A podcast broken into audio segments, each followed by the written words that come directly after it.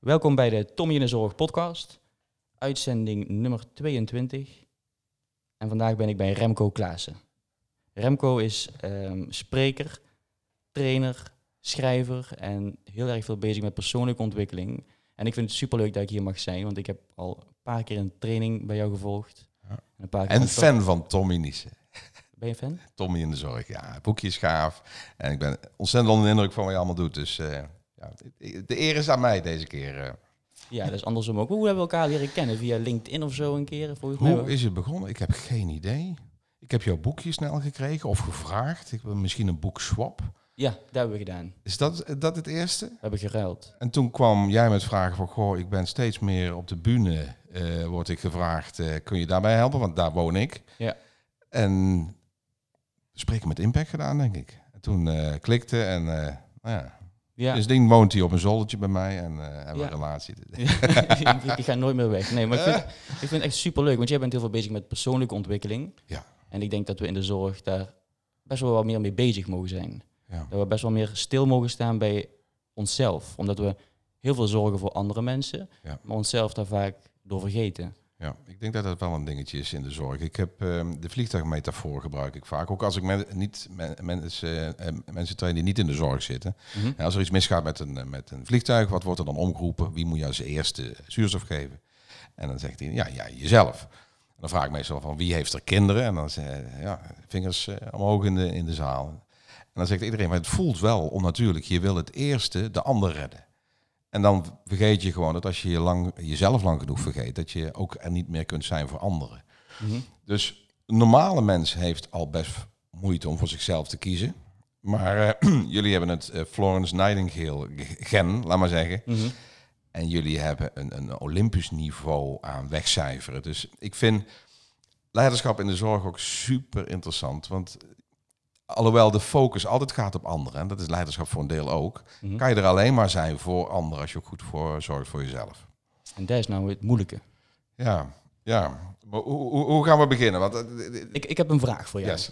Dus de, de vraag die stel ik eigenlijk aan alle mensen in deze podcast. En dat is de vraag, wat betekent zorg voor jou? Oké. Ehm, ik denk dat ik hem op twee manieren probeer uit te leggen. Ik eh, als professional, ik heb een, eh, een, een liefde voor de mens en het mooie uit de mens te halen en het, de mensen ook leren zorgen voor zichzelf. Mijn e- eerste boek, wat ik eh, met Maita Brown heb geschreven, de, het Ik-boek, daar hadden we als subtitel egocentrisme als basis voor sociale slagkracht. Nou, die is afgefakkeld, want die was te lang en te complex. hè. Maar ik vond hem, ik vond hem helemaal briljant. Eh, ik denk dat egocentrisme een, een, een fundamenteel aspect is van je persoonlijke groei. Dus weten wie je bent, je verantwoordelijkheid kennen, goed zorgen voor jezelf. En als dat past en klopt eh, en energie geeft, dan pas kun je er ook zijn voor anderen. Dus ik vind eh, zorg voor, de voor jezelf is een, een pilaar voor succes. Als je dat niet kan, kun je Mhm. ook niet er zijn voor anderen. Dus dat is vanuit de professionele kant. Die pakken we zo nog wel even op, want er is, er is nog veel meer over te vertellen. Eh, vanuit eh, een, andere rol als vader en als echtgenoot vind ik zorg, eh, heb ik een enorme passie voor om te zorgen dat mijn kinderen ook zo'n fundament krijgen. Mhm. En dat zij, eh, als ik een keer omval of er niet meer ben, eh, op dezelfde manier door kunnen met een gezond eigen eh, eh, stuk eigenwaarde, een, gezond fundament, goede focus op jezelf. En daarna dat weer naar ehm, in het voordeel van anderen omslaan. Ik heb, ik heb één keer ehm, in, een, in een interview per ongeluk iets briljants gezegd. Meestal jat ik Mhm. ge- genialiteit. nu had ik zelf een momentje. Ehm, iemand vroeg mij, kun jij leiderschap in één zin samenvatten?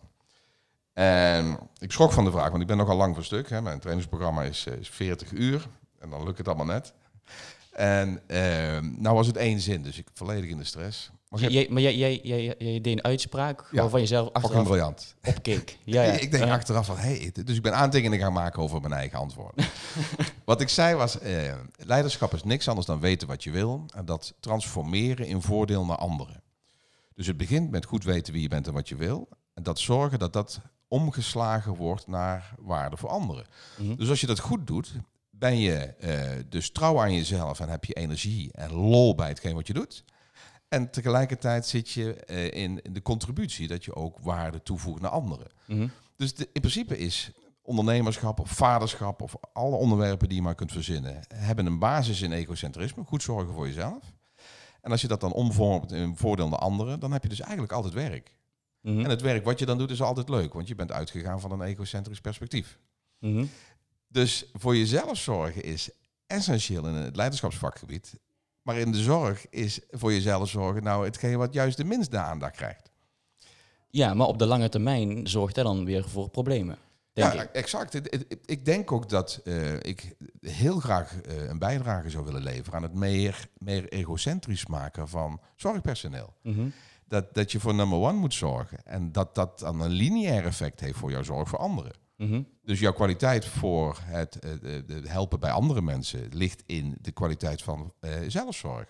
Mhm. Zullen zullen we een term maken, een nieuw boek samen? Ja, Zelfzorg. zelf, ja, zorgen voor jezelf. Ik denk dat dit ook wel een beetje de titel wordt, denk ik, van Ja. deze podcast. Oh ja, dat is goed, dat is mooi. Maar hoe kan het nou dat het zo moeilijk is? Dus je werkt in de zorg en ik herken het. Hè? Ik heb een keer, dat was twee jaar terug volgens mij in de zomer. Toen waren er een paar collega's ziek geworden. En het was in de zomer is het altijd heel druk. Omdat iedereen op vakantie gaat. En ik ben best wel goed in mijn zorgen voor mezelf, denk ik altijd. Maar toen die collega's ziek werden en ik werd gevraagd, zag ik geen uitweg. Ik dacht, ja, nou moet ik wel gaan werken, want er is niemand anders. Ja. Dus ik ben toen heel veel gaan werken en daar had ik gewoon echt last van na zes weken. Ja. Had ik gewoon echt pijn in mijn lichaam en deed ik vier gebroken diensten achter elkaar. Dus 's avonds, 's avonds. En dat soort dingetjes, ehm, die gebeuren dan vanzelf, lijkt wel. Nou, ik denk dat het helemaal eh, eh, geïntegreerd is met jullie verantwoordelijkheidsbesef. Mhm. Dat, dat, dat voelen, de, de noden van anderen voelen. Dat is iets waar ik eh, in, in het bedrijfsleven wat eh, meer werk voor nodig heb. Eh, omdat ze, hè, de, eh, je had het net over dat je fan bent van Kofi. Nou, ik ben er ook helemaal gek van. Mhm. En hij heeft in zijn, in zijn public victory, dus waar hij het 4, 5 en 6 zitten, de seek eh, first to understand and then to be understood. Dat is echt het empathische deel van het leiderschapsspectrum. Mhm. Leren voelen wat de andere wil, de andere begrijpen. En dat is jullie primaire focus. En dat in combinatie met een hoog verantwoordelijkheidsgevoel ben je dus eigenlijk altijd aan het servicen. Mhm. Altijd aan het, eh, aan het scannen op noodzaak en noden en daar invulling aan geven. Fucking fantastisch. Mhm. Totdat je zelf een burn-out hebt. En ik denk dat één, één deel van jouw zin, eh, ik kon niet anders dan, ja, anders ging het kapot. Ja, dat gevoel. Maar als je dat non-stop denkt, Mhm. kijk, als jij een keer wegvalt, dan gaat het op een of andere manier ook door. En dat besef krijg je pas vaak als je wegvalt. Eh, ik denk dat je ook wel eh, een, een zorgcollega hebt die eh, een paar maanden burn-out heeft moeten overleven. Heel veel, denk ik. En een van de soberende lessen is dat de wereld dan toch doordraait. Mhm. En dan moet je eigenlijk die link maken van oké, zonder mij kan het ook. Dus wil ik deze situatie niet meer hebben, moet ik goed voor mezelf zorgen.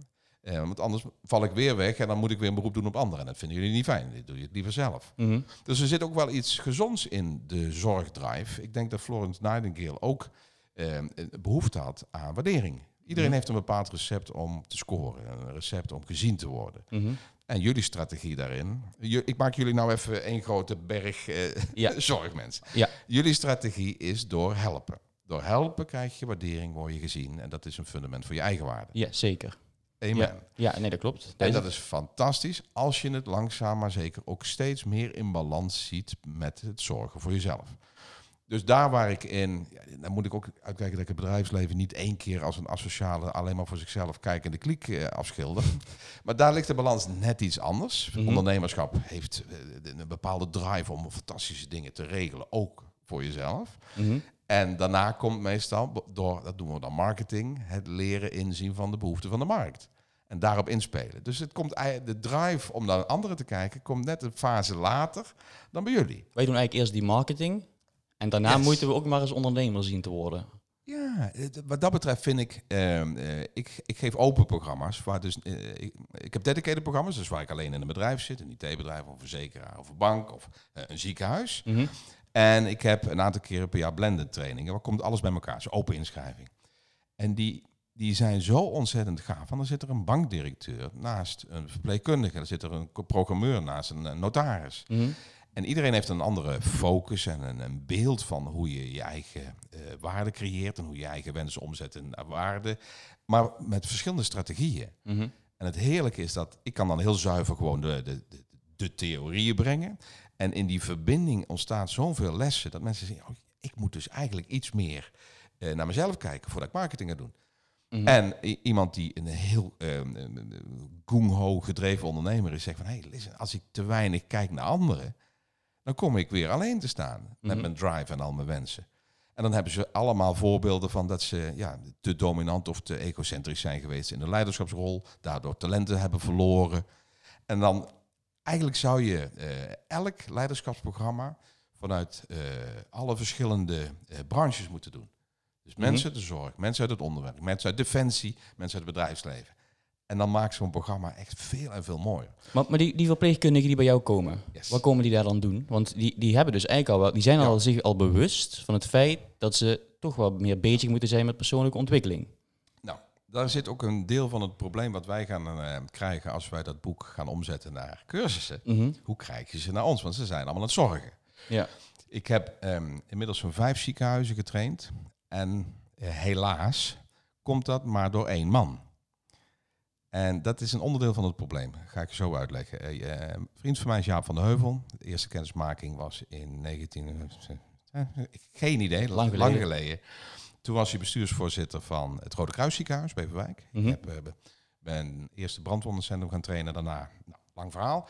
Daar heb ik zeven jaar getraind. Hij was dus mijn broodheer, maar ook het bezielende eh, inspirator naar de organisatie toe. Van listen, dit is een leiderschapsprogramma. Ja, maar ik ben geen leidinggevende. Nee, dit is, gaat ook over voor jezelf zorgen. Dit gaan we doen.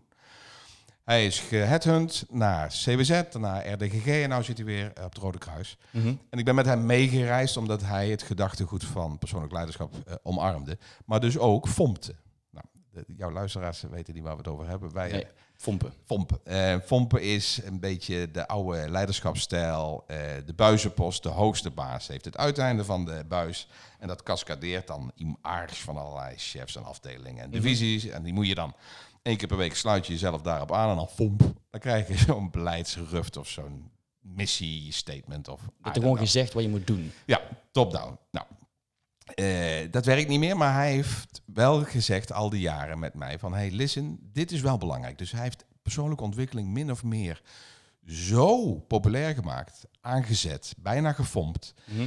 dat mensen zoiets hadden van, goh, dit is gaaf. En de deelnemers uit de eerste groep hebben de deelnemers uit de tweede groep. En het was, op een gegeven moment werd het gewoon een re- referral eh, ketting, een referentieketting.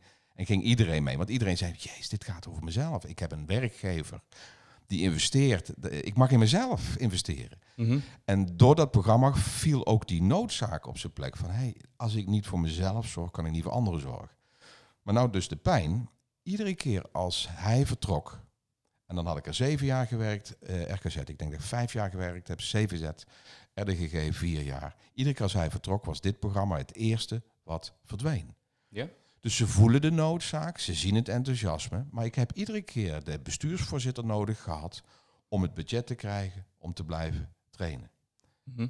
Vier keer gebeurd, vier keer eh, eruit geflikkerd. Maar dus die, die, ze zien wel het effect, want mensen vinden het fijn, maar die noodzaak daarna... Nee, daarna komt er een nieuwe baas. En veel bestuurders, helaas ook in de zorg, hebben een, een, een spreadsheet management stijl. Mhm, ja. Kijken naar kostenbaten, kijken naar processen en ga daarop ageren of verbeteren of wat voor poging dan ook.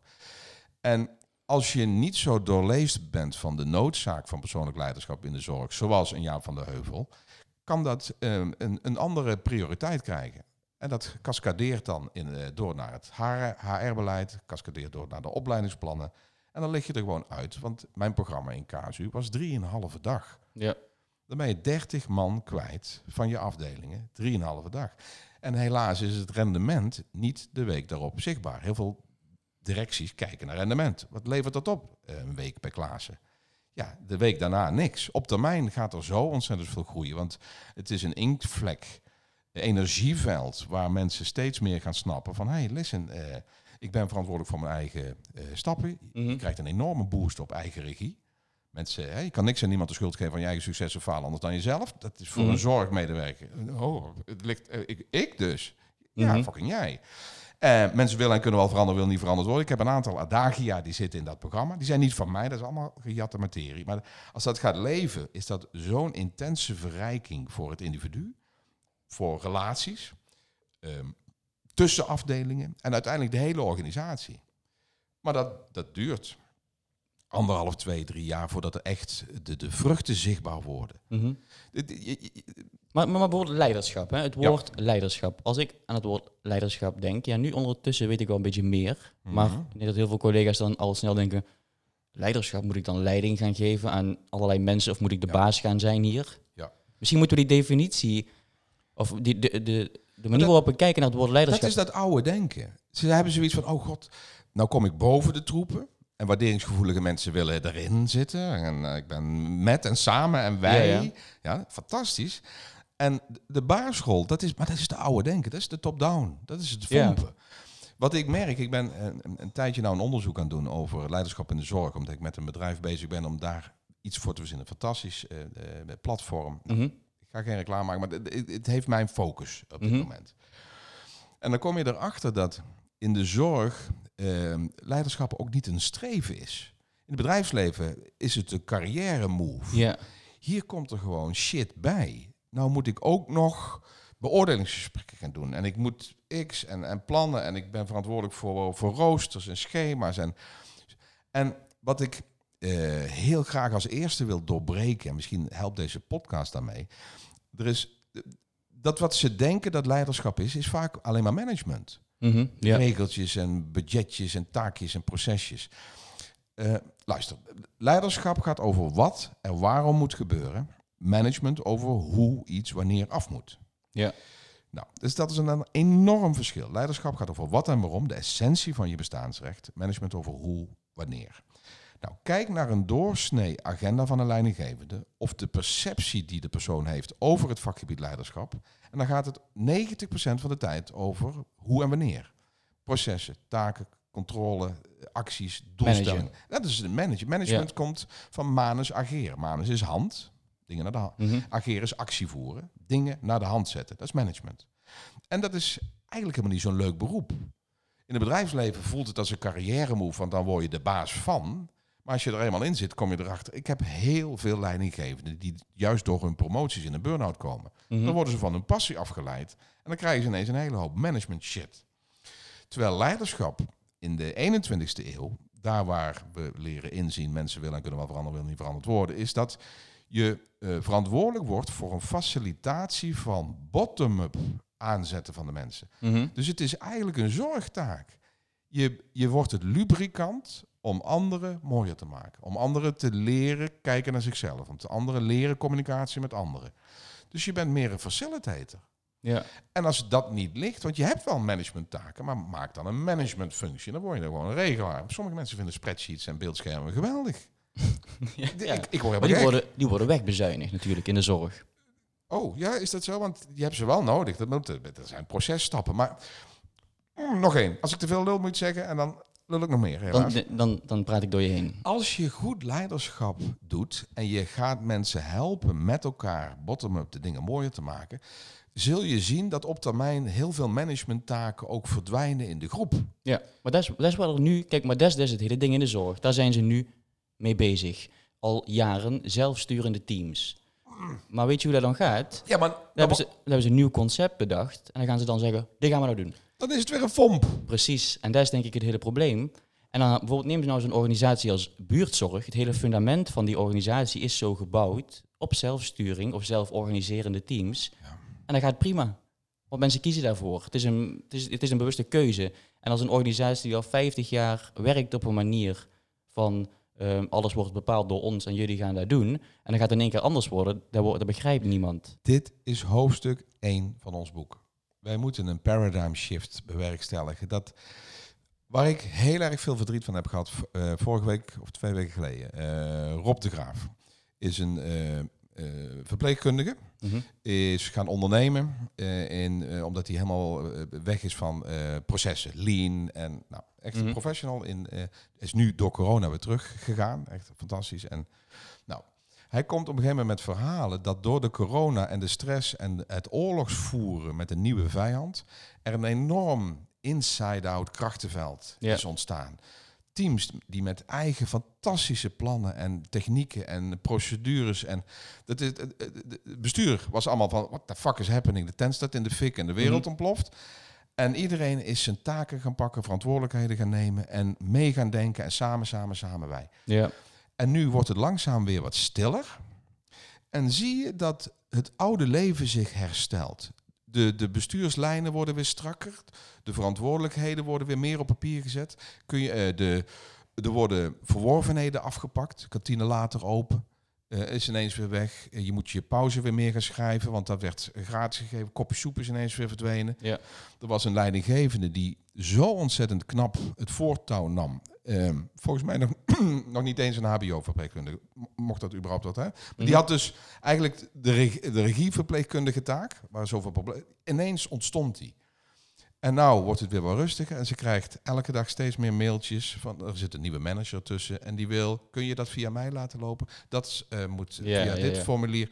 En die wordt weer helemaal teruggeduwd en die zie je gewoon wegkwijnen en, en verdrietig worden. Dus het lijkt wel of we niks hebben geleerd. En Maar dat, die vrijheid die we dus zeg maar, kregen, de, zomaar door het corona gebeuren, dat, ging, dat ging eigenlijk best wel prima dus. Ik denk dat zoveel leidinggevende oude stijl, dus het FOMP-legioen, bang is dat mensen niet kunnen nadenken. Ja, precies. En daarom blijf je zo fompen en ga je alles kaderen en ga je processen tot in drie lagen laten uitadmin. Maar mensen kunnen het, als je het maar vraagt.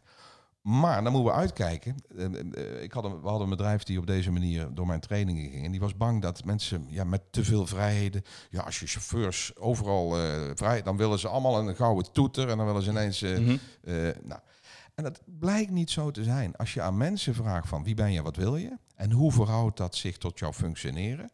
Dat er fantastische dingen ontstaan. Ja. En het, en het briljante is dat als dat dan uit zo'n persoon wordt getrokken en geïnstitutionaliseerd, wat een woord, geïnstitutionaliseerd wordt, Mhm. eh, dan is het ook geborgd. Want dan is het niet gevonden. Mensen hebben dan automatisch de eigen verantwoordelijkheid al en gaan dat gewoon doen, want ze hebben het samen verzonnen. En dan heb je geen BOA's nodig voor de naleving. Ja. Dan zit het er gewoon in. Dus als mensen die angst kwijtraken, dat als de top, de intelligentia het niet voor ze uitvogelt en dat er dan vervolgens alles misgaat, als ze dat niet verliezen, blijven ze fompen. Mhm. En ik hoop dat mensen hebben gekeken naar hun teams van Jezus, dat gaat heel goed. Ja. Ze hebben, hebben, hebben de, de, de Oscar-winning performances laten zien. Hoe kunnen we dat vasthouden, faciliteren en uitbuiten? In plaats van weer terug naar de oude hiërarchische controlesystemen. We gaan, we gaan naar de dam. Van Femke mag het. ja, dat weet ik niet of dat al zo verstandig Nee, is, dat maar was niet goed. Hè? Ja, dit is uh, ben Gisteren sowieso- hadden we de 5000 op de dam eh corona meeting. Ja. niet goed. nee, dat is niet, nee, maar ik denk sowieso staken en zo. We we doen het wel eens ooit in de zorg en dat vind ik altijd best wel triest. Zo. Maar dan krijg je weer zo'n zo'n padstelling. Nee, maar, dan gaan, maar iedereen gaat dan staken en daarna gaan ze weer gauw naar huis, want ze moeten weer werken. Dus, en, dus het staken heeft in principe weinig nut. Ik denk, als we nou teruggaan naar de persoon, hè, dus nou hebben we, hebben het zeg maar, over eh, de management en zo, maar we gaan terug naar de persoon, die ene zorgverlener. Hoe kan die er nou voor zorgen dat hij dus meer Ja. vrijheid gaat krijgen? Hoe kunnen wij dat zelf doen? Ik denk dat als je een, een, een, een Erdoganiaanse, Trumpiaanse baasenergieveld hebt, wordt het best lastig. Mhm. Want dan krijg je dat ehm, eh, als zo'n persoon met een te groot ego, die kunnen niet zo goed omgaan met bottom-up. Mhm. Omdat al hun vezels eh, met hun ego erbij versterkt, zegt van hé, hey, die lijden aan het IWAP-syndroom. Dat moet je uitleggen. IWAP, ik weet alles beter. Ik weet IWAP. Ik weet alles beter. Het IWAP-niveau. Ah, Je kunt mensen schalen van 0 tot 10. Ja, mhm. nul zijn eh, angstig en die worden verzuurd en die gaan een OR in en die voelen zich geputfukt door allerlei... Ik heb in de OR gezeten, drie jaar. Oké. maar uit Misschien interesse- heb jij een laag IWAP. Inter- uit interesse gewoon. Inmiddels ben jij gezo- heb je een gezonde IWAP, denk ik. Ik weet alles beter en ik blijf vragen. Ja. Ja. Dat is beter. dus ehm, ik denk dat voor jezelf opkomen en vrijheden creëren best kan... als je ook de trust level hebt met je baas. Mhm. Dus als, eh, als er een bepaalde dynamiek is in de relatie van... hey, listen, wij vertrouwen erop dat we de juiste eh, koers voor ogen hebben... en het juiste intentie naar onze klanten. Of dat nou leerlingen zijn of patiënten... of het zijn eh, mensen die een lening willen. Ik, ik denk dat het leiderschapsvakgebied niet uitmaakt over wat je branche is. Nee, nee. Ja? Dus ehm, je moet eigenlijk regie nemen. Dat is de eerste fase. En dat is moeilijk als je zeg maar zo'n baas Florence. Nightingale vindt regie nemen moeilijk. Want dan hoort hij iemand huilen op de gang. Ja, dan is het eigen regie weer helemaal weg. En dan ga je daar weer een pleister op plakken. Mhm. Ja. ja. Toch? Ja, ja, Op weg naar de meeting om eigen regie te creëren. Als er dan iemand iets ontploft, ga je daar weer hechten. precies. Ja, stel je voor, je gaat naar een training voor persoonlijk leiderschap. Je Ja. zit in de auto, je ziet iets wat er gebeurt. Ja, Iemand die zorg nodig heeft, stop je, ga je daar zo. Klopt. Totdat de druk wordt verhoogd. Ik heb geweldig onderzoeksmateriaal van de Oxford University. Ze Mhm. hadden pastoors eh, eh, eh, uitgenodigd om een verhaal te houden van barmhartigheid. Mhm. En de, het was volledig in scène gezet met acteurs, maar de pastoors waren echt. Mhm. En die kregen een bakje koffie in een ander gebouw dan de lezing. Ik probeer het in de- detail uit te leggen, maar toch kort. En dan kwam er een acteur binnen en die zei... de vorige spreker is een kwartier eerder klaar. Je moet nu. Dus er werd urgent, urgency, er werd haast gecreëerd. Mhm. Nou, wat is de setting? Eh, van de koffie tot aan de congreszaal... Daar zat eh 100, 200 meter tussen. En daar zat een andere acteur die hulpbehoevend acteerde.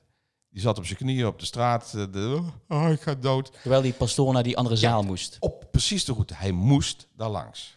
Mhm. Nou, wat gebeurde er?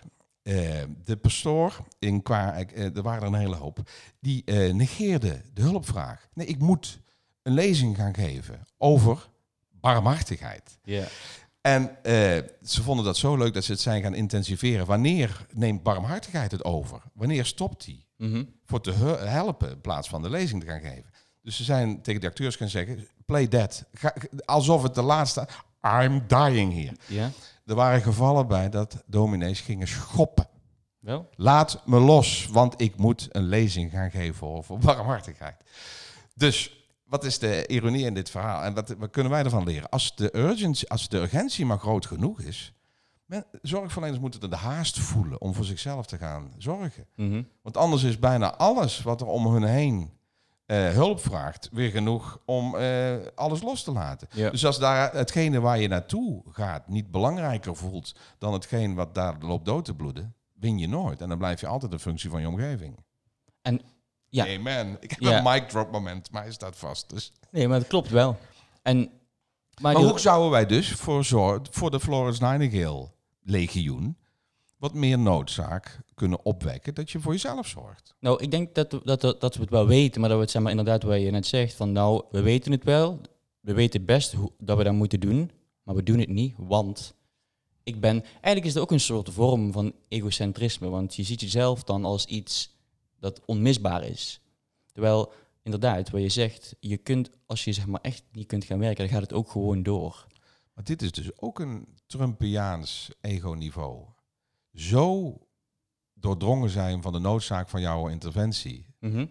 dat je al het andere vergeet. Ja, maar wel... Maar dat is dus ook egocentristisch. Dus jullie, jullie zijn zo verslaafd aan zorg dat het bijna zelfbevlekking is. Ik denk dat alles is een soort Waar gaat dit maar- naartoe, jongens? Nee, maar ik denk dat alles toch wel een soort vorm van egocentrisme is. Want je doet uiteindelijk alles voor jezelf. Het gaat er dan uiteindelijk om het resultaat, zeg maar, waar je daaruit wil halen. Eh, of het goed of niet goed is. Maar ja, goed, dat, kun je, dat kan niemand voor jou bepalen. Maar we doen alles voor onszelf uiteindelijk. Alles. Ik vond het een heel, heel vervelende gedachte. Maar mijn opa zei dat ooit tegen mij. Ik heb er lang over nagedacht. En het is echt zo. Ja. Alles doen we voor onszelf. Want ik ga nou met jou deze podcast opnemen. Want ik vind dat leuk. Dus ik krijg daar een goed gevoel van. Ja. Ik vind het ook, heel veel dingen eraan omheen vind ik ook leuk. Maar dat is toch zo? Ja, je moet dus een, eh, Sorry hoor. Maar... filmpjes bekijken van Richard Hitchens. Eh, Hitch, die eh, een heel betoog heeft over moeder Teresa. Mhm. Dat dat één grote manifestatie is van egocentrisme en ego.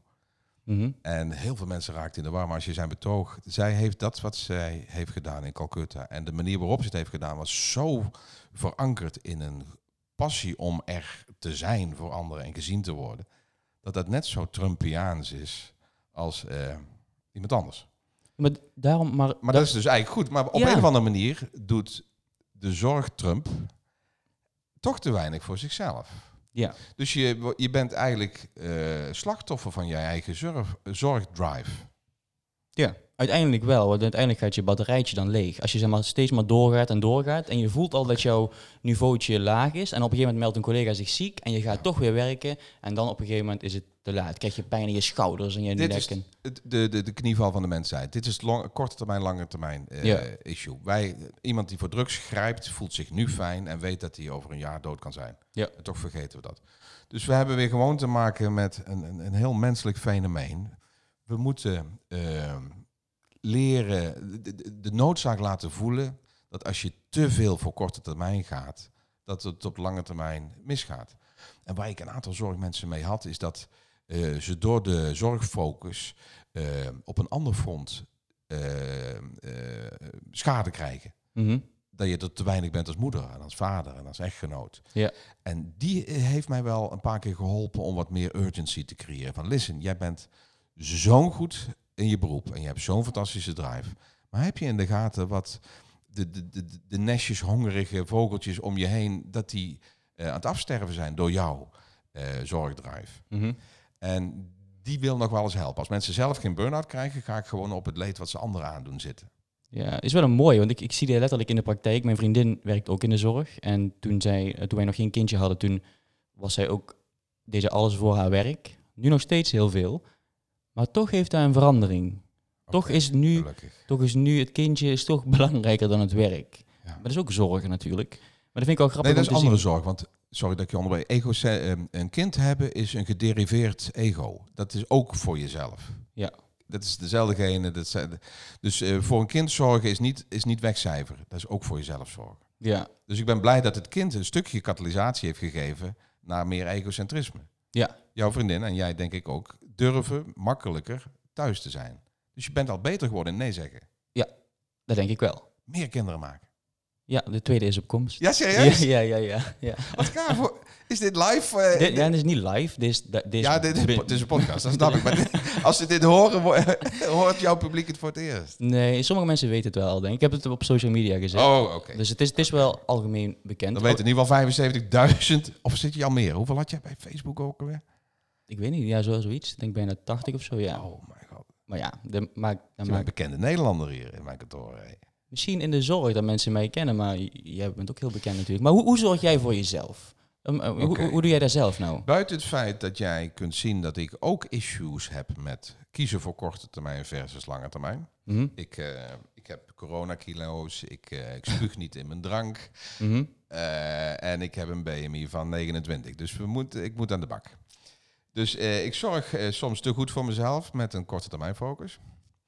Mhm. En, maar jouw eigenlijke vraag gaat denk ik ook weer over ons onderwerp persoonlijk leiderschap. Wat ik Nee, nee, nee, nee. Gewoon, nee, zorg, heel simpel. Hoe zorg je voor jezelf? Want je hebt een drukke baan. Jij moet heel veel Ja. dingen doen. En, maar jij kunt hetzelfde ervaren dat je, ook al vind je je werk leuk, kun je nog steeds een burn-out krijgen, toch? Als je gewoon te veel Wat ik doet. eh, goed heb gedaan voor mezelf, is allereerst, ik, ik heb door al die trainingen en al die boeken gegraven om te snappen dat je voor jezelf moet zorgen. Dus ik heb die, die, die noodzaak, noodzaak al geïnaugureerd. Ik Mhm. weet dat ik voor mezelf moet zorgen, anders kan ik er niet zijn voor mijn publiek. Nou, wat ik erg goed heb gedaan, en dat is niet borstklopperij, maar dat is een voortvloeisel van, van wat ik heb geleerd, is zorgen dat ik goed weet wie ik ben, goed weet wat ik wil, en dat zoveel mogelijk vertaal in voordeel naar anderen. Dus ik heb 80% van mijn week is vol op Remco-energie. Kwispelen, lol, leuk, lesgeven. Nu in de coronatijd is maximaal eh vulvaar. Eh, even kloten, maar dat veert weer terug en ik ben nou weer nieuwe manieren aan het verzinnen. We hadden het er straks even over, is dat nou jouw plankje? Ik heb eh, 20% van mijn werk, we zitten nou in, in mijn kantoor en ik heb eh, eh, Tommy ooit verteld dat ik maandagochtend een plankje krijg. En daar staan allemaal velletjes op, die krijg ik van mijn assistente Sylvia, waar ik slaap, waar ik spreek, wat het onderwerp is, wie er zit. Ik lul mijn plankje leeg en ik krijg maandagochtend een nieuw plankje. Ja. Als trainers en coaches luisteren naar jouw podcast, dit is trainer heaven. Dat zou iedereen willen. Een heel Mm. jaar vol, een lang vol agenda. Een heel jaar lang vol agenda met alleen maar ho- horen waar je heen moet. Ik doe geen sales, ik doe geen nazorg. Ik mag vol op mijn beroep blijven. Mhm. Dus ik heb gezorgd dat de balans in mijn week, eh, een van de aspecten van wat ik mensen train eh, eh, rondom dat ecocentrisme is hoe groot is het aandeel dat je energie verliest en hoe groot is het aandeel dat je energie krijgt van je handelingen, taken en gebeurtenissen. Kwispeldiagnostiek. Yes, kwispeldiagnostiek. Dat vind ik super mooi, want moet, ik denk dat dat heel belangrijk is om daar al te weten van waar, waar word ik nou blij van. Dat is de basis. Ja. Leiderschap gaat over koers. Waar moet je naartoe? Hoe kun je koers bepalen? Snappen wanneer je happy wordt. Dus mijn metafoor, ik hou heel erg van metaforen. Ik leer mensen bewuster worden van de kwispelstaart. En ik laat ze die kwispelstaart vertalen naar een kompasnaald. Mhm. Dus dan weet je wie je bent en wat je wil. En dan ga je veel meer van je stappen in lijn brengen met zorgen dat je in die kwispelmodus komt. Dus als een groter deel van jouw week energie kost in plaats van dat het oplevert, ga je een keer uit. Dat zijn gewoon batterijwetten. Mhm. Een burn-out kan je heel simpel verklaren. Het is gewoon een batterij die te weinig opgeladen wordt. Dus je moet eerst een diagnose doen, een echt letterlijk een anamnese. Laat ik jullie termen maar eens gebruiken. Over wat nou energie geeft. Kwispeldiagnostiek is anamnese op energie. Kwispelanamnese. Kwispel anamnese, hoofdstuk 2 hebben we te pakken. Mhm. Daarna ga je dat wat je hebt geleerd van die kwispeldiagnostiek vertalen naar je kompasnaald. En vervolgens ga je je kompasnaald proberen te vertalen naar waarden, naar anderen. Kompasnaald voor compassie. Oh mijn god, hoofdstuk 3. Ehm, dus, mijn week is 80% Remco-energie. Mhm. In die 80% help ik heel veel mensen, dus het is eh, ideologisch correct. En ik kan bij de hemelpoort, als het die is, eh, zeggen van nou, ik heb mijn best gedaan. En 20% is shit, maar dat, dat is Pareto. Ik denk niet dat ik 100% congruentie kan creëren, dat ik 100% kwispel in mijn leven. Mhm. Maar je kunt wel zorgen dat het gemaximaliseerd wordt. Een hele hoop mensen worden, lopen de hele week leeg en recupereren in het weekend in een hobby. Ja. Ja. Dan zijn ze de voorzitter van een duivenmelkvereniging of ze gaan line dansen of iets. Mhm. En dan gaan ze, kijken ze niet naar de energieverlies. Komen ze bij in het weekend en dan kunnen ze weer zo'n week gefompt worden door alles en iedereen. Mhm.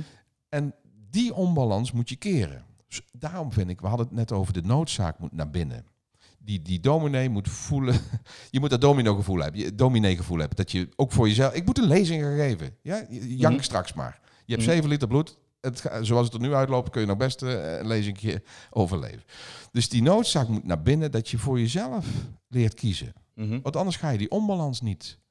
Je moet hem eerst herkennen. Soms is een burn-out dus een zegen. Soms wel, ja. ja. Nee, nou, ik heb er zoveel getraind en eh, gesproken. Achteraf zeggen ze het allemaal hetzelfde. Dat was de belangrijkste ople- opleiding in mijn leven. Toen ben ik pas gaan zien dat ik niet genoeg in balans leefde. Ja, maar, maar in principe, als je zeg maar, al van tevoren bepaalde kennis had gehad, had je ook van tevoren kunnen signaleren dat je niet goed in Ja, balans bent. Nou, I love you very much. Dat, dat is een belangrijk deel van mijn streven. Je hoeft geen burn-out te hebben om, om leiding te kunnen geven aan je leven. Soms is een burn-out noodzakelijk als koevoet, als breekijzer om mensen te laten snappen. Maar ik heb het liefst dat je zonder een burn-out... eh, Als je deze stappen goed doet, kwispeldiagnostiek, eh, compassie creëren, eh, Mhm. kompas creëren en omzetten in compassie. Mhm. Dat zijn de drie delen van onze bestseller. wel- Ja, ja, zeker. Als je die drie goed doet, komt het oké. En het is geen. Als je goed leiderschap eh, implementeert, kunnen er nog steeds dingen misgaan. Dan fietst corona je leven in. Ja, dan, maar het mooie van leiderschap is dat je dan nog steeds je kompas kunt gebruiken. Dan komen er weer andere stappen uit voort dan eh, je oude leven, maar wel in lijn met je kwispelstaart. Mhm. Dus probeer het eens samen te vatten. Wij moeten dus eerst mensen meer de noodzaak leren van voor jezelf zorgen. Mhm. Vervolgens moeten we de leiderschapswetten gaan uitrollen. En Ik denk dat je een hele belangrijke hebt nog. ik zie het aan je ogen. Vaak, vaak is het zo, uit de dingen die jij nou zegt, kwispelen, waar je, dingen waar je blij van wordt, je kompas, dan krijg je deze reactie. Ja, maar eh, zo makkelijk gaat het niet. Of ja, maar eh, er moet toch gewoon gewerkt worden. Ja. En ja, maar ik sta gewoon ingepland. En die collega, ja, maar, ja, maar. En, in de geld, slachtofferrol van, maar ik bepaal hier niet hoe het gaat, dat doen zij. eh, ja, we zijn weer rond. Dit is stap 1. eigen regie heeft te maken met het ontdekken dat je niks en niemand de schuld kan geven van je eigen succes of falen anders dan jijzelf. Mhm. Dus er was nog eens een discussiepunt wat open was, een kwartiertje geleden. Je zegt, eh, hoe pak je dat nou aan om vrijheid te creëren? Als je dus een Trumpiaanse baas hebt die Fompus Maximus is en jou nul eigen regie gunt, Mhm. dan blijft het jouw verantwoordelijkheid. 9 op de 10 mensen schieten een burn-out in of een OR in en dan zeggen ja, de, de, door mijn baas en dat is ook een klootviool. En, Mhm. nee, zoek een andere baas of werk hem eruit. Precies. Dat laatste zal niet altijd lukken. Of je moet weten dat heel je team bukt onder het, het, het regime van zo'n persoon. Soms is rebellie niet fout. Gewoon samenwerken. En ook, Samenwerken en dan werk je samen die, die, die fokko eruit. ja. Maar dat blijft je verantwoordelijkheid. Dus dan kun je zeggen van oké, nou listen, eh, dit wordt niet waar met deze man. Trump proberen empathische gaven te trainen, dat gaan wij niet doen, Dom. Nee. Dat, dat gaat niet waar worden. Dus die man moet gewoon ge- ja, preventief ruimen. Daar moet gewoon een keer iets overheen. Mhm. Ik hoop corona. Dan kan hij samen met, met Bolsonaro, of hoe heet die dwa- dwaas van Brazilië, ja, kunnen ze samen hoestend eh, de pijp uit. Kijk maar uit. Dadelijk horen ze dit en dan komt deze podcast Oh, in Amerika. Piep, piep. Dit is het antwoordapparaat van Remco Klaassen. Spreek. nee, Nee. maar dat- dat is dus het Dus punt. eigenlijk zeg je dan, dus stel je voor, je hebt een leidinggevende of iemand die in ieder geval boven je staat en de regels bepaalt van hoe jij moet werken. Als die persoon totaal niet welwillend is, jou niet ziet en er echt nooit iets aan gaat doen zodat jij beter je werk kunt Dan doen, wordt het lastig. dan moet je of weggaan Ja. en of je gaat dan, ja, Of die je persoon... creëert een virtuele vrij. Je kunt, hoe heet die stelling? Soms moet je beter gewoon doen en daarna sorry zeggen of een aanvragen in plaats van door Ja. alle systemen heen en handtekeningen. Zeker, tegen de regeltjes in. Als ik ne eh, eh, Trumpen zijn namelijk ook niet helemaal gek. Mensen die hoog op de IWAP-schaal zitten, Mhm. Die zijn in principe niet zo dom. Als die gaan zien dat er voordeel te behalen valt uit wat jij creëert, Mhm. dan kantelen ze. Helaas soms met gebruik maken van jouw veren. Dan moet je dan even je ego... Hè, maar dan gaan ze zeggen, kijk eens wat mij is gelukt in deze afdeling. De laatste jaren zijn we ge- omgeschakeld van een hiërarchische structuur naar een zelfregie. Mhm. Nee, dat hebben zij zelf gedaan, ondanks jouw fucking aanwezigheid. Nou, dat soort dingen moet je dan eventjes eh, proberen te tackelen, want dat kan dus gebeuren met mensen die hoog op de IWAP zitten. Mhm. Maar in principe kun je dus ook onder Trump een land creëren waar jij als gouverneur of als burgemeester hele mooie dingen doet, inside out. Je ziet het nu ook, de manier waarop is weer te veel ego-strijd, dat een hele hoop staten en burgemeesters, en ik weet, ik weet wel heel weinig van staatse richting, maar dat ze hun eigen menselijke waardes creëren onder het beleid van een demagoog. Mhm. Die proberen gewoon menselijk te blijven. Dat is heel lastig. Als je ziet wat er nou vanochtend weer... Hij gaat de, de, de, de garde oproepen om overal te gaan schieten. Tegen die eh, George Floyd eh, demonstraties. Ja, ja. Terwijl sommige burgemeesters zoiets hebben van... Oké, laat het rustig. Er zijn wat uitwassen. Mensen zijn aan het plunderen. Maar er, ze, Trump wil weer gaan schieten. Ja. Ja. Ja, dat is ook niet... Dit is ook niet van oh, deze podcast, maar het punt waar wij hadden, waar wij zaten. Soms is het ontzettend moeilijk om die vrijheid te creëren als je vastzit in een pompenergieveld. Maar daar kun je echt aan werken. Alleen het, niet snel. Staken en rebellie is proberen geforceerd tot een verandering te komen. Mhm. Je kunt echt, als wij de kennis die wij samen delen, stel dat wij de directie zouden zijn in een ziekenhuis en we zouden dat langzaam maar zeker met, met veel gesprekjes, met, met dis, eh, discipelen winnen, met mensen trainen. Je kunt binnen twee, drie jaar een volledige kanteling creëren in een organisatie. Mhm. Waar de regie naar beneden gaat, waar eh, de, de persoonlijke groei dominant wordt. Dat je absoluut, je kunt ook met lol mensen bedienen. Ik, ik, ben een fan van de- bijvoorbeeld Coolblue, die hebben fun heel hoog staan. Ja. En dat is niet alleen een folderwoord. Die krijgen budget, tijd, aandacht en alle ruimte om lol te maken met elkaar, met de patiënten, hè, hun klanten Mhm. en met hun management. Het is niet alleen dat het een truc is. En voor zover ik het kan inschatten, want wie weet zit er achter de organisatie heel veel verdriet en leed. Maar ze doen het dan wel heel goed in de winkels en op de websites. Je krijgt altijd goede zin. En daar ben ik zelfs bereid om meer voor te betalen. Als ik Mhm. een iPhone daar eh, goed, eh, duurder zie, of I don't, ik heb het nog niet meegemaakt, want ze zitten ook nog eens prijstechnisch goed. Mhm. Maar ik ben bereid om naar Coolblue te rijden, de winkel, om daar iets te ruilen in plaats van het op te sturen. Ik, ik, ik snap het heel. Ik, laatst ben ik naar Coolblue toegegaan en toen was ik zelfs op het bordje van de diefstal dingetjes stond van. wat stond er nou? Nou weet ik het niet Als meer. je iets jat, Iets met jatten of zo. Want veel we, plezier en nee, nee, maak nee. er klaar. We houden niet van diefjes of zo. Ehm nou, ik weet het niet meer. Maar het was in ieder geval grappig en ik dacht zelfs. Je moet toen hem wel naar haar sturen, want ik luister deze podcast en ik wil wel weten wat dat is. Ja, ga ik Dus opzoeken. ze Oh, hebben ja. zelfs lol met criminelen. Ja, op de kleine dingetjes staan zelfs, als ik hem daar naar binnen schiet, dan ga ik hem nog zeggen, maar Oh. zelfs in de details. En dan kijk ik naar zorgorganisaties. Over het algemeen wordt er niet goed gezorgd voor medewerkers. Terwijl dat is de, de motor van je organisatie, denk ik toch? Ze zeggen Ja. altijd heel mooi, ja, bij ons staat de klant centraal. De klant is al helemaal een apart woord. Of de cliënt centraal, de patiënt centraal. Terwijl zo'n organisatie zou juist meer moeten focussen op die zorgverleners. Want Ja. die zorgen voor de patiënten, cliënten, of hoe je het ook wil noemen. Yes. Maar waarom is dat? Ik denk dat we weer terug zijn eh, naar een paar minuten geleden. Dat daar veel managementintelligentie zit Ja. Op plekken waar leiderschapkennis en een leiderschapshart nodig is. En je kunt niet zonder bepaalde managementtaken. Je hebt te maken met facturering en roostering en juridische... Tuurlijk, Er is shit. die 20 procent. Zeg maar. Ja, hou, maak dat die 20% en zorg dat die 80% alleen maar gaat over energie, lol, geluk, vertrouwen, respect. En dat maakt het ook veel leuker werken. Kijk, ik weet niet, ik, ik ken Pieter Zwart of Pieter de Zwarte, cool blue guy, Mhm. niet persoonlijk. We hebben toevallig eh, achter, elkaar, eh, op, eh, achter elkaar gezeten bij Obama. Hij gaat ook zelf nog naar school. We Mhm. een seminar met eh, Barack. En, maar ik denk dat hij het meent en ook leeft. Dus hij managt Coolblue niet. Hij is een inspirerend leidinggevende die zorgt dat die fun factor niet alleen een folderwoord is. Ja. En zolang dus besturen van eh, ziekenhuizen niet uit die managementrol komen, waar ze aan het vechten zijn met de verzekeraars en eh, proberen met hun boekhouders alles op de rit, maar gewoon zich op die mensen en die energie en die lol gaan focussen, dan wordt het heel moeilijk. Dan kun je wel. Maar weet je nog mijn Jaap van de Heuvelstress? Ja. Je, met Jaap ging het goed. En toen de Jaap, weg, Jaap wegging, kwamen er nieuwe.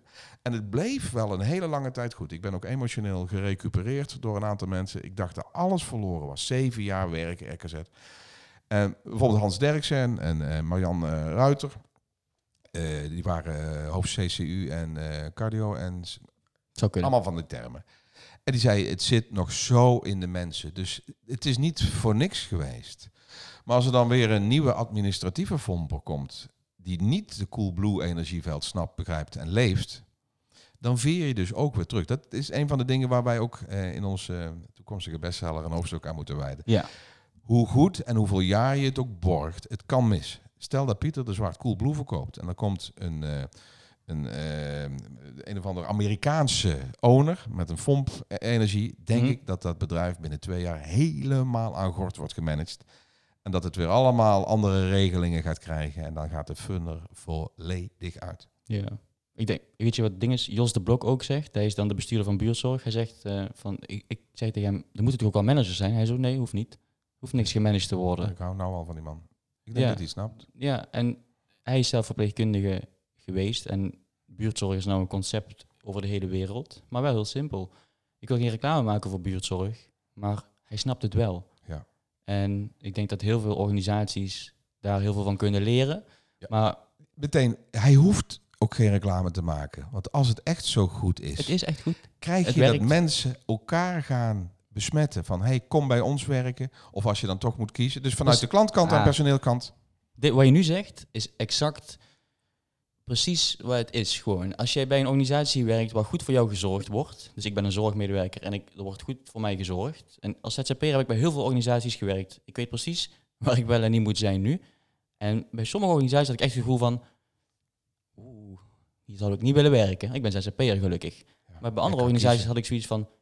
Dat is fijn om hier te werken. En als je dat gevoel hebt, dan zal ik dat op die verjaardagen vertellen. Ja, En dan gaan er meer mensen in de zorg werken. Ik heb mijn wortels in de ICT en ik heb met Henk Dijkstra bij Hightech Automations. Pure de nerds der nerds. De, Mhm. de, de embedded software. Ja, dat is dat software die je nog niet eens ziet. Dus dat zijn mensen, die kun je gewoon eh, z- 60 uur dan ook duwen met pizza erbij en heavy metal muziek en die maken prachtige dingen. Oké. Persoonlijke ontwikkeling was geen main priority, laat maar zeggen. Mhm. En wij hebben daar een, een, een kentering teweeg gebracht, waar dus eh, persoonlijke eh, eh, ontwikkeling en leiderschap sexy is gemaakt en interessant en nerdisch, dus academisch is gebracht. En nou, ik heb dat.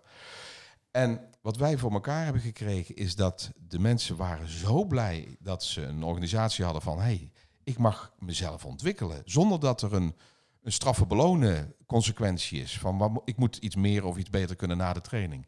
En die gingen allemaal collega's bellen. Wij hadden meer nieuwe recruitment aanwas eh, vanuit het personeel dan vanuit tonnen kostende de, de, de wervingsacties. En zelfs klanten kwamen van, hey, die, die, die IT'ers van jullie, die kijken net even iets anders uit hun ogen. Wat doen jullie ermee? Dat is een leuke club. Mhm. Dus je krijgt klanten en eh, wervingsmacht door gewoon je focus op geluk. Wij Ja. waren toen de Cool Blue in de IT-markt. Toen zijn we verkocht naar Ordina, een grote beursgenoteerde organisatie waar dus weer spreadsheets dominant zijn. Want je moet elke fucking kwartaal moet je de aandeelhouders happy houden en de financiële. En toen werd het weer langzaam een bedrijf. In plaats van een, een, een kloppend team met heel veel lol. Denk, denk je dat ik zo grote... zeg, Ordina. Fantastisch bedrijf nog steeds. Maar dat deel eh, vond ik wel een beetje een soort van verdrietig. Maar denk jij dat de grootte van een organisatie ook zeg maar hiermee Ja. te maken heeft? Ja. Dus, maar, maar ook dan... De, de neiging is door... Hè, ik, ik hou van de mens, maar je, ik zie ook heel veel valkuilen. Wij hebben een bepaalde greed. Hè. De- kijk naar heel veel films en je ziet dat... eh, eh, we gaan altijd tot de rand en te veel en dan gaan we ineens kapot. Ja. Dus als bedrijven maar blijven, blijven, blijven, blijven groeien. Mijn angst voor Coolblue is dat ze zo groot worden... dat ze aantrekkelijk worden voor een beursgang of een verkoop. Mhm. En dan vrees ik dat de kans ook heel groot is dat dan alles wat Pieter heeft geïnaugureerd ook weer weg kan. Want dan komt er een club die niet dat in de vezels heeft of in de kwispelstaart. En die gaan, die, die gaan een due, dili- due diligence doen. Die gaan kijken waar, waar zit de waarde en wat is er allemaal. En dan gaan ze dat vanuit eh, die spreadsheets weer uitbouwen. In plaats vanuit de passie en de filosofie. ja. En dan weet ik zeker dat binnen twee, drie jaar Coolblue zijn identiteit kwijt is. Gelukkig hoeven we daar in de zorg niet bang voor te zijn dat er een zorgorganisatie ineens beursgenoteerd wordt. Dat zou, Ja. hoe zou dat eruit zien? Alhoewel ik ondernemerschap in de zorg, ik, ik, ik, denk, ik, ik denk dat het Amerikaanse model met al die geprivatiseerde, eh, dat dat ook niet goed is. Maar eh, nou weet ik hier te weinig van. hè. Dus we krijgen nou een, een gebied waar, we moeten, waar ik moet uitkijken. Ik, ik heb een beetje ingelezen over die machten van de verzekeraars en dat het allemaal Mhm. op geld. En dat is een hele ongezonde situatie om daaronder een mooie funclub te creëren. Als dus de main focus en de belangrijkste prioriteiten op de portemonnee liggen, hoe kun je dan in hemelsnaam naar het hart gaan werken? En ehm, dat is dus antwoord 2 op eh, jouw vraag. Hoe groter de club, hoe meer dus finance eh, belangrijk wordt. Ja, en, en finance heeft de neiging, als je niet Jaap eh, van de Heuvel als eh, bestuursvoorzitter hebt, om dan eh, het beleid over te nemen. Dan wordt er weer money driven in plaats van passie en, en eh, zorg driven. Terug naar de mens weer. Hè? Terug naar die ene persoon. Ja, Zorgen voor jezelf. Hoe, hoe doe je dat nou? Oké. Ik, ehm, als je dus ehm, op een gegeven moment in je leven kiest voor, hey listen, ik ben belangrijk genoeg om er te zijn, moet je dus eerst eens een, een, analysefase gaan doen. We hebben kwispeldiagnostiek al genoemd. Ehm, de truc die ik graag leer, dat daar hoef je geen eh, metersboeken voor te lezen, is gewoon je kwispelstaat, je energieniveau checken. Hoe leef je ergens naartoe? Hoe voel je je wanneer je het doet? En dan kom je er vanaf. Dus kijk naar je batterijtje eh, voordat iets gebeurt, tijdens iets een gebeurtenis of daarna. Kijk je er tegenop? Eh, wil je het liefst niet doen? Wil je het uitstellen? Dat zijn allemaal tekenen. Dan ben je op pad naar iets wat geen energie geeft. Tijdens, hè, je voelt hier tussen ons een energieveld. Mhm. Ik zag eh, in mijn ooghoek dat we al dik, eh, het gaat, eh, het vliegt weer om. Ja. Dat is een hint. Flow geeft hints. Wij hebben een bepaald energieveld. Wij laden onszelf op tijdens het, het werk. En de, de derde, dus hoe leef je ergens naartoe, hoe voel je je tijdens, hoe kom je er vanaf? De derde is, eh, wat voel je daarna? Ik heb, als ik van de bühne afkom, moet ik downscalen om thuis niet te hyper, geil, energiek, Mhm. hanteerbaar te worden. Dus eh, dat heeft ook best wel wat conflicten gegeven met mijn, eh, met mijn partner. Kom je heel blij thuis. Ja, en, dan ben eh, ik te energiek. Terwijl iedereen zit rustig Rood in de vlees avond. en wijven en dan eh, man. en dan de, de rust. Oh, dan Marita zegt, oh mijn god, daar is hij weer. Ja, en dus ik heb zelfs moeten ontdekken dat als je goed je werk matcht met je kwispelstaart, dat je te vol thuis kan komen. Dan heb ik 40 uur getraind in 3,5 dag en dan ben ik te hyper om normaal met andere mensen om te gaan. Dus maar dat zijn wel allemaal hints. Vroeger was ik, uh, in, ik uh, ben uh, sales geweest. Ik ben ex-IT'er, ik ben technisch ingenieur. Ik weet niet of ik daar ooit over heb gehad, maar ik ben een nerd van oorsprong. Mhm.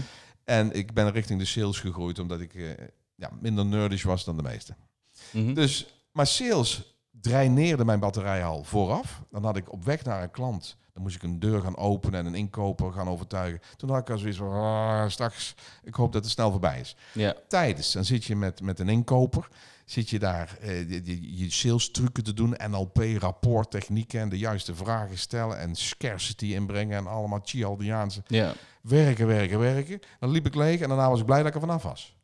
Dus er waren allemaal hints voor Er jou. waren Dat, in anderhalf uur 16 hints van Klaassen. I don't know what you're doing, maar dit is niet goed. dus dat, die hints die geven jou eigenlijk alweer van... Oké, vind ik het is wel... de vrijdagavond, hoe, als je eh, al je shifts hebt afgerond... en je komt als een leeg condoom thuis... dan is dat een hint van... hé, hey, listen, er is iets te veel gebeurd... of Mhm. te weinig aan de... Nogmaals, als een groter deel van je week energie kost... in plaats van het oplevert, ga een keer uit. Ja.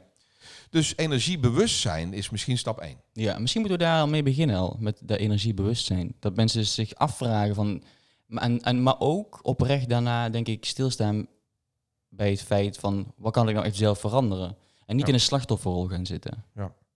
Dit is het effect van een beetje fatsoenlijke burn-out. Hè? Als je langzaam wakker wordt, en dat duurt misschien een paar maanden... dan komt het ineens van, oké, en nu? Mhm. Want als ik hetzelfde ga doen wat ik deed, dan krijg ik wat ik hetzelfde al kreeg. En dan ga ik burn-out 2 maken. En dan kom je misschien nooit meer uit. Mhm. Dus, dus die, die, die, die, bewust, die focus op, oké, wat nu? Rekening houdend met mijn energieveld. Dat is de kompasdeel. Ja. Je moet dus die kwispelstaat gaan vertalen naar, oké, welke acties passen dan wel? En ook daarvoor geldt, als je dan een Trump boven je hebt, ik, dan pak ik Henk Dijkstra even terug. Ik had iemand die mij de ruimte heeft gegeven om dat te ontwikkelen. Ik, ik was als commercial manager bij Hightech niet heel erg succesvol, maar ik was wel al aan het spelen met trainingen. Mhm. Nou, we hebben een, een, een, een- historische boswandeling gemaakt, Henk en ik. En ik ging erin als commercial manager en ik kwam eruit als personal development manager. Ik heb gewoon een functie. Er, was, er bestond niet personal development. We hadden HR, we hadden PNO, we hadden personal development. Ik mocht dus IT'ers gaan helpen met het beste uit zichzelf halen. Dus ik had al die drive ontdekt en ik heb de ruimte gekregen. Soms moet je een broodheer of een kruiwagen hebben. Een Jaap van Heuvel en Henk Dijkstra. Mhm. Maar als dat niet was gebeurd, denk ik dat het toch was gelukt. Maar misschien later. Want Op als, je op, als op een gegeven moment dat, dat veld gaat stromen, kan het niet meer terug. Dat, dan, dan leidt je de rivier maar om, maar hij kan niet meer stilgezet worden. Dus dan was het misschien op een ontslag geëindigd of op, was ik toch vertrokken. Ehm, maar dan, daarvoor zat dus die ontdekking. Je moet dus in contact komen met die... die Die zijn er altijd, die mensen toch? Ja. ja, ik, als je, maar goed. Ik, wat mijn voordeel was naar Henk is dat hij al voelde dat ik aanging bij deze set werkzaamheden en bij die andere set uitging. Ja. En hij als, als eh, betaler van die show zag ook dat waar ik op uitging ook niks opleverde. Dus hij had ook een hele slimme interventie gepleegd van hé, hey, die Klaassen heeft veel meer waarde.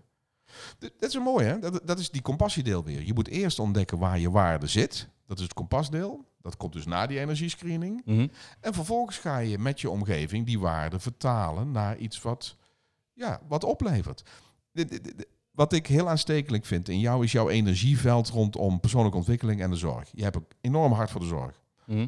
Maar je hebt nou, er komt een tweede pad bij. En dat eh, zie je nou langzaam. Je bent nu al veel verder en anders dan toen ik jou het eerst ontmoette. Er is een enorm kracht. Jij, bent, jij gaat leiderschap in de zorg veranderen in Nederland. Op een of andere manier. Ik heb geen idee.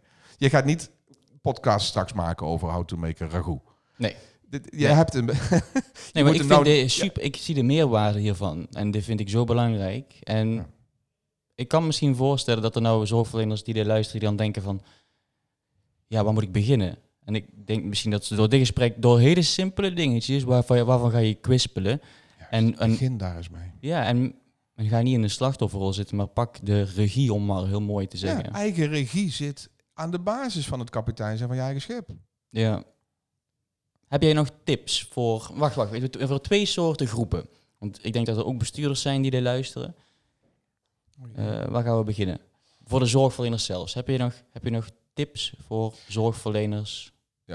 Ik denk dat eh, katalysatie helpt. Zoek iemand die je kan begeleiden. Mhm. Er zijn, hond, ik heb het nou pas, ik schrok ervan, 188.000 sprekers, trainers in Nederland. Zo. Ja, dat is echt... Ben ik ook niet helemaal gelukkig over, want het, lijkt wel of iedereen gewoon, als je spreker zet in je LinkedIn-profiel, dat dat ineens... Dat is echt een beroep. We hebben spreken met impact gedaan. Je weet hoeveel er achter Ja, tuurlijk. succes zit. Dat zijn, dat is, Je, bent ook, je kunt ook niet zomaar spreken, maar goed. maar er zijn er een hoop die goed zijn. Dus als je getriggerd bent door deze podcast, ga eens op zoek naar een katalysatie. Eh, dit is de 1 seconde reclame die ik mag doen. Ik heb bijvoorbeeld de personalpitstop.nl. Mhm. Personal pitstop. Dat is gewoon een pitstop voor jezelf. Dus ik ben een van de mensen die graag met passie en lol en energie traint hoe je dit moet doen. Ja. Kom eens naar me kijken. Kost geen rol, breng een friend, hartstikke leuk. Maar ik, er zijn er zoveel meer. Dus je moet een katalysatie hebben. Pak een boek van Brené Brown. Pak een Een boek, boek. van Tony Robbins. Mhm. Pak een webinar van, van Simon Sinek. Er is zoveel YouTube. YouTube, leef je helemaal uit. Ga niet zitten kijken naar al die jury, how to cavia en eh, de, de- de seks met je. eh, Het is allemaal pulp. Pak gewoon je, je laptop en ga, laat je inspireren. Er zijn zoveel kanalen waar je kunt groeien. En daarna ga je je, je pad ontdekken. Van technieken misschien eerst en daarna je vorm van uitwerking. Mhm.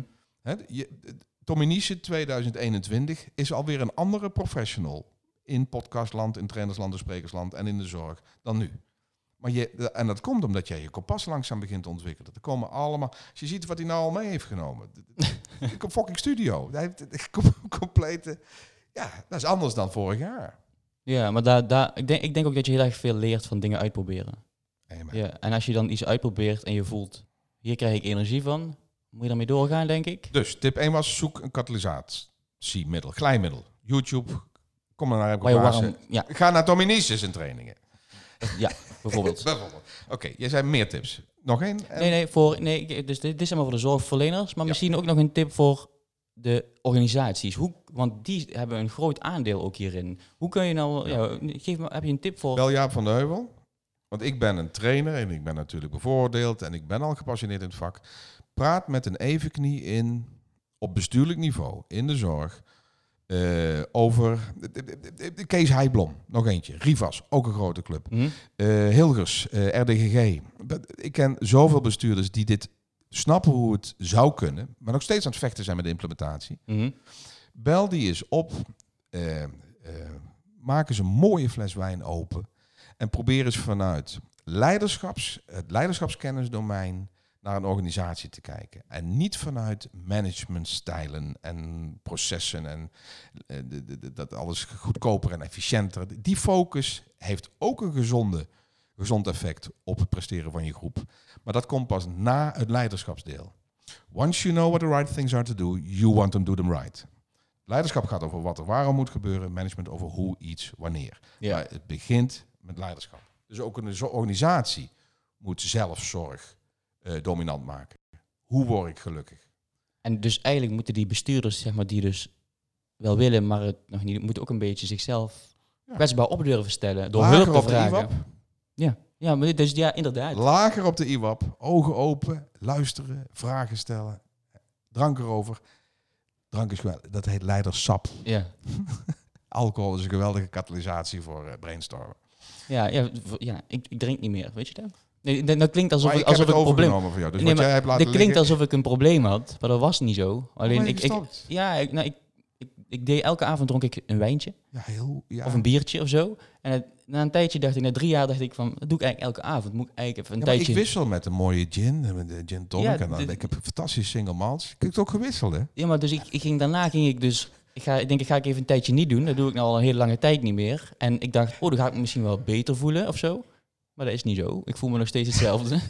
dus, eh, eh, maar ik heb ook geen behoefte meer aan of zo. Ik vind het wel fijn als je zeg maar, in de middag een biertje pakt. Dan voel ik me dan altijd een beetje zo. Ik weet niet of de podcastluisteraars nog eh Nee, ik denk, baat hebben met dit nee maar dat is, ook, dat is ook goed zorgen voor jezelf. Alleen ik, uiteindelijk ben ik erachter gekomen dat het heel weinig effect heeft. Tenminste, niet dat ik weet. Nou goed, het is We verliezen luisteraars Dit is echt off-topic. Maar goed, Hey, ik, eh, ik denk dat we twee belangrijke dingen te pakken hebben. Zelfzorg op organisatieniveau en op individueel niveau is dus hetzelfde. ja. Ga naar beneden op de IWAP, zet je ogen open en ga op ontdekkingsreis naar meer lol, energie en kwispeling. Dankjewel.